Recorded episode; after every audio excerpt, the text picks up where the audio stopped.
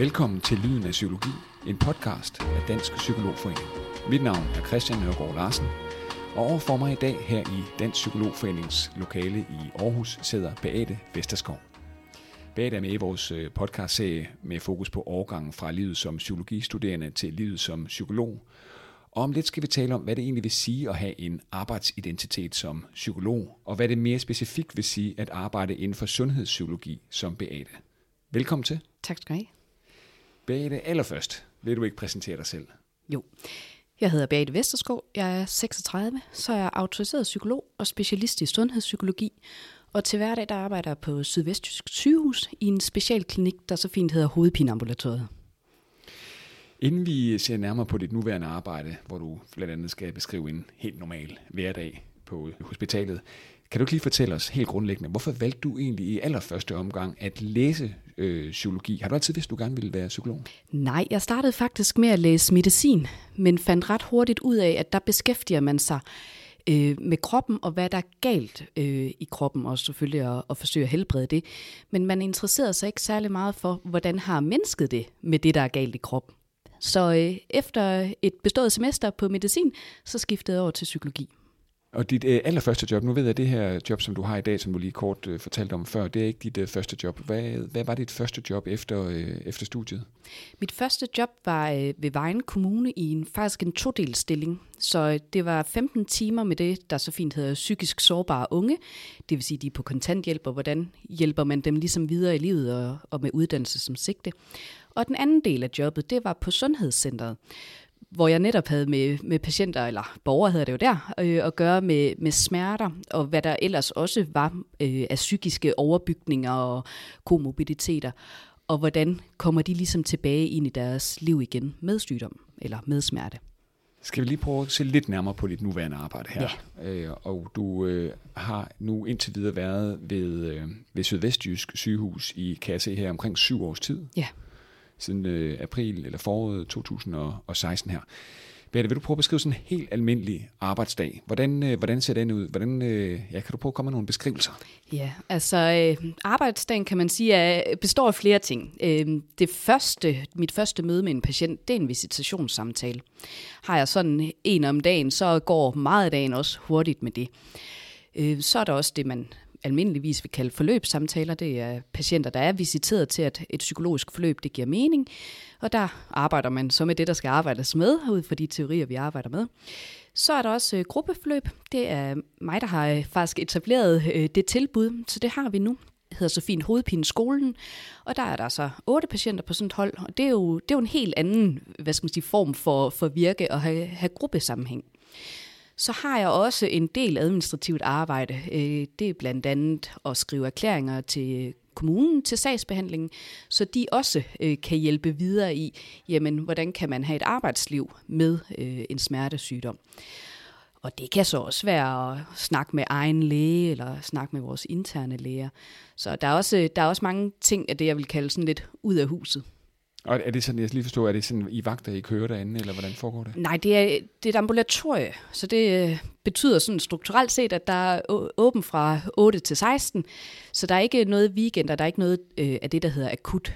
Hvordan, øh, hvordan bruger du de ting, du lærte under uddannelsen i dit nuværende virke som, øh, som psykolog? Er der noget, du sådan for, for alvor trækker på? Ja, altså jeg havde et, øh, et valgfag på kandidatuddannelsen, der hed, jeg, jeg tror det hed smertepsykologi. Øh, og det var jo øh, præcis det, jeg selv valgte, fordi det er øh, min interesse. Der skrev jeg, der skulle man skrive en, en større øh, opgave eller afhandling. Øh, og der skrev jeg om, hvordan man bruger den teoretiske ramme, der hedder ACT, altså Acceptance and Commitment Therapy, til behandling af smertepatienter.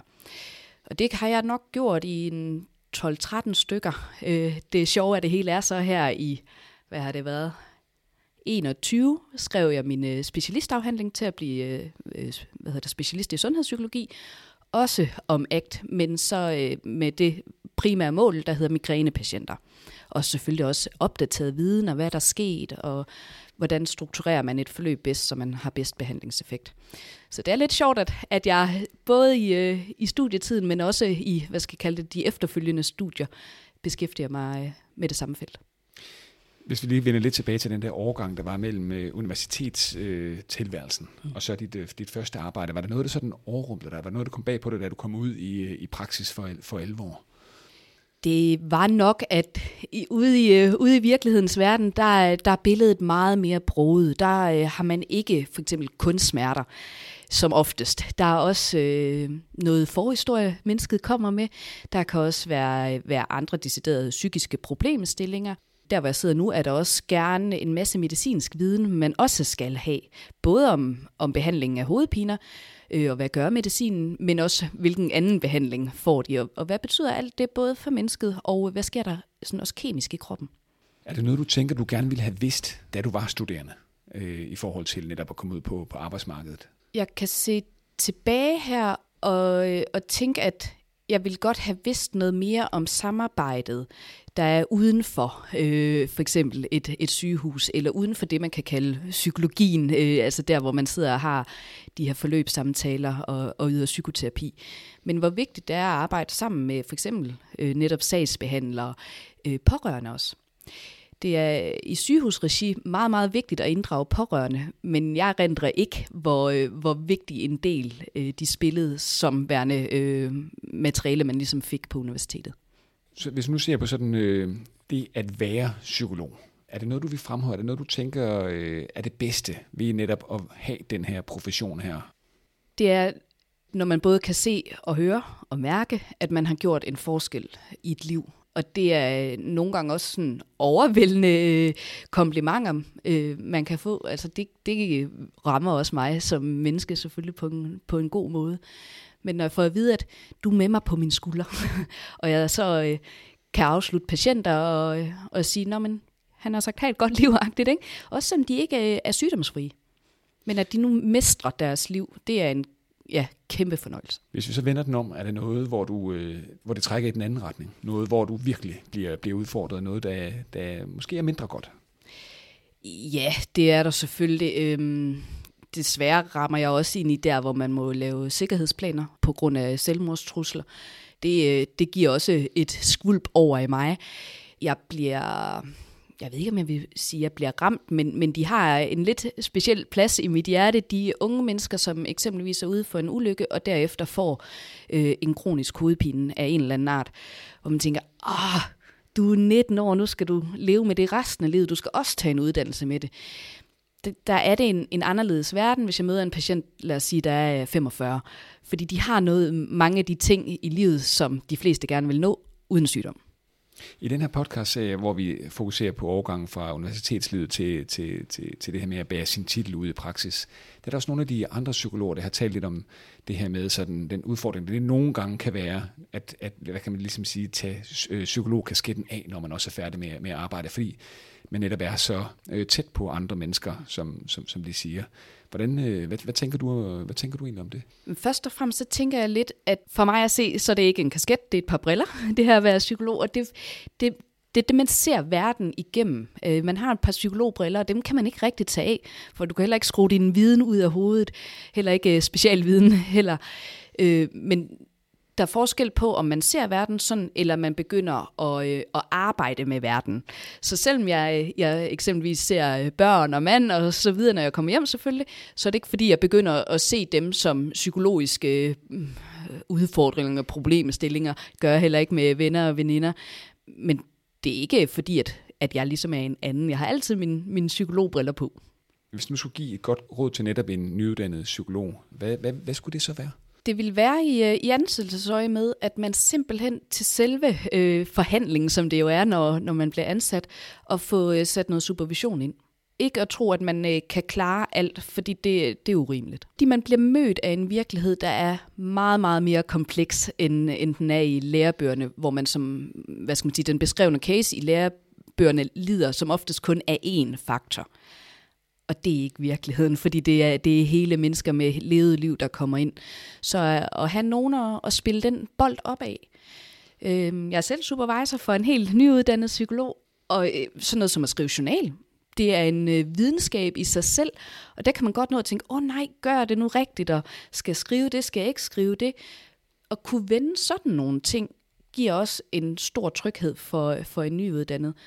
Og det, det er vigtigt for et, for et godt arbejdsliv. Man skal ikke gå og, og have en eller anden øh, nervøs følelse i maven om, åh oh nej, hvad, hvad fik jeg skrevet i den journal? Synes du, der er for lidt fokus på netop den her supervisionsdel, øh, som det er i dag? Min oplevelse er, at supervisionen er meget, meget målrettet i, at den skal bruges til opnåelse, eksempelvis øh, autorisationen eller senere hen specialisten.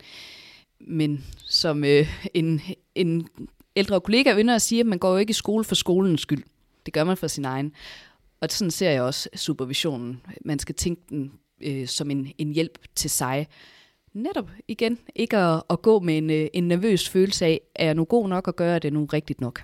Bette, når man ser på dit øh, CV, så står det jo, at du, øh, som sagt, eller som du selv sagde her, arbejder ved Sydvestjysk sygehus øh, som psykolog i hovedpineklinikken. Men øh, dit CV afslører også, at øh, du arbejder selvstændigt. Ja. Det lyder umiddelbart som om, øh, at øh, psykologi fylder enormt meget i dit øh, liv. Hvordan kan det være, at du også er selvstændig ved siden af? Det er fordi, som sagt, psykologi fylder meget i mit liv. Det er, det er en del af mig. Jeg kunne nok i virkeligheden aldrig være andet end psykolog, så godt jeg blev det. Jeg har, øh, jeg har en selvstændig hvad skal man sige, virksomhed ved siden af med et meget få antal øh, klienter. Men det har jeg, fordi der er nogen, øh, der ikke kan slippe mig, og jeg kan ikke slippe dem heller. Og så er det den mulighed, der er. Øh, Øh, I forhold til for eksempel øh, hovedpineklinikken, jamen der er behandlingsfokus jo øh, smertebehandling. Eksempelvis en patient kommer rigtig godt igennem smertebehandlingen, og i hele den proces, der kommer der øhm, nogle livstemaer op, eller noget forhistorie, der bliver ved med at slå krøller. Og der skal jeg jo være tro over for hovedpineklinikken, og det er jeg selvfølgelig. Så der må jeg også sige, mm, nu er det ikke længere smertebehandling, nu er det personlig udvikling. Og derfor skal du faktisk afsluttes for hovedpineklinikken. Men jeg er godt klar over, at der er andre problemstillinger, som også kunne være relevante der er det tit sådan, at når man har øh, en god kontakt med en, øh, en patient, jamen så vil de også gerne fortsætte ved en, og, og de har måske også, eller de har fundet noget tryghed, så de har heller ikke lyst til at skulle gå ud og, og ligesom starte forfra hos en anden psykolog. Og så er det, at det er jo ikke fordi, jeg må reklamere med mig selv, men via Google, så øh, finder de sjovt nok også selv ud af, at, at så kan de snakke med mig der. Og så er det det, jeg tror andre vil, øh, vil kalde sådan mere almindeligt øh, psykologarbejde, fordi så er det netop ikke smertefokus. Så er det, jamen hvem er, øh, hvem er jeg, hvad er mine mønstre, hvad er det, jeg altid falder i, og hvordan kan jeg lave de strategier om, så jeg kan håndtere mine problemer noget, noget mere øh, hjælpsomt. Er det, er det gået for langt at sige, at I på en eller anden måde bærer en fortrolighed videre over til, hvad kan man sige, dit selvstændige arbejde med, med, med vedkommende? Nej, det, er, det er bestemt det, de gør. Mm. Fordi det er jo det, der bliver opnået øh, i det psykologiske felt, om end det er i hovedpineklinikken. Så har øh, skæbnen jo været sådan, og sådan er det også i psykologverdenen, at der, øh, der går jo mund til mund i den. Så, øh, så er der også øh, måske nogle tidligere patienter, der kender nogen, og så de der, de kender, kontakter som mig. Må jeg lige spørge sådan helt generelt til det her med, med hovedpine, mm. øh, som du om nogen ved noget om her. Er det noget, du, er det noget der, er, hvad kan man sige, der, er, der er i vækst? Øh, eller hvordan, hvordan er sådan dit billede på sådan det generelle niveau i samfundet? 770.000 mennesker lider af det, man kalder vedvarende eller hyppige hovedpiner. Så det er jo sådan set en kæmpe procentsats. Derfor har man også de her hovedpinecentre øh, rundt om i landet, og man har også, hvad skal man sige, sin egen, øh, sit eget videnscenter for hovedpine. Så er der nogle øh, deciderede specialklinikker. Øh, Esbjerg er en af dem, Aarhus er en af dem, og Rigshospitalet er en af dem. Øh, og det specielle der er, at der bliver set noget mere øh, tværfagligt på det, og det er så også derfor, der er ansat psykologer. Så med det sagt, så er det også de mest komplicerede øh, hovedpinepatienter, vi ser. Og ja, det gør jeg altså også. Hvordan læser I ind i den her udvikling her, at der er så mange danskere, der døje med det her? Altså, i forhold til migræne, så må man sige, at der er en aflighed i det. Så, så nogle af dem vil komme øh, til os. Men der er også stressudløste hovedpiner. Jeg synes også, jeg ser et, et overraskende højt antal, øh, der har en anden lidelse. Øh, det kan eksempelvis være ADHD, som ikke er opdaget og dermed heller ikke medicineret. Og den øh, ja, neurologiske overaktivitet, det er, og kontrollen af det, altså at, at mennesket prøver at hjælpe sig selv, jamen det anstrenger hjernen så meget, at så har man altså en, en øh, daglig hovedpine. Og når jeg så spotter det, og de får den rigtige medicin, så behøver vi faktisk ikke give dem hovedpinemedicin mere, fordi det var ikke det, der var det oprindelige problem hvad drømmer du om som, øh, som fagperson, som psykolog? Hvad, hvad, er det, hvad er det næste? Ja, det ligger jo øh, af gode grunde allerede i, øh, i støbeskeen. Jeg er på et universitetshospital, øh, og det åbner rigtig gode muligheder. Øh, så jeg er i gang med øh, indsamling af data til en artikel, og udgivelsen af den artikel åbner så op for protokol, som er forsteppet til PhD. Så det bliver nok ikke lige i morgen, men øh, den, den ligger også, og det er, ja, det er en aftale, jeg har med, med ledelsen. Mit sidste øh, spørgsmål i den her omgang. Øh, jeg kan se, at du er også øh, bestyrelsesmedlem i Dansk Sundhedspsykologisk Selskab. Vil du sætte nogle ord på det Beate? Hvad, hvad, hvad handler det om? Grundlæggende så handler det om, at øh, vi gerne vil udbrede sundhedspsykologien. Både øh, teoretisk, altså forskning, men også i klinisk praksis. Så man kan sige, at det giver også god mening. Jeg både sidder og arbejder og har øh, forskning ved siden af. Det er der mange af de andre, der også har.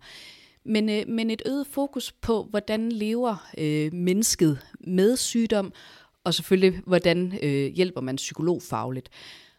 Og vi lever længere og længere, og vi kan ikke helbrede, men, men vi kan afhjælpe rigtig mange sygdomme, men det gør også, at, at flere og flere kommer til at skulle leve med sygdomme og også i en verden, der egentlig ikke er skruet sammen til, at, at vi skal have vedvarende sygdomme.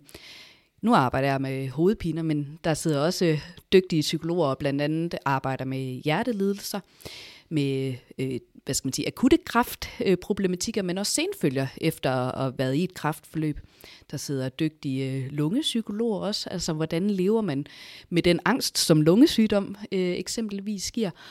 Og generelle smerter er der jo selvfølgelig også, og en masse andre. Så øh, det med, at der kan komme nogle, nogle flere sundhedspsykologer, der, der kan hjælpe med, hvordan er vi lige i vores krop også. Så sådan, jeg ynder at tænke det, vi er, vi er ikke kun vores psyke og vores indre væsen, vi er heller ikke kun vores krop og fysik øh, og kemi og biologi.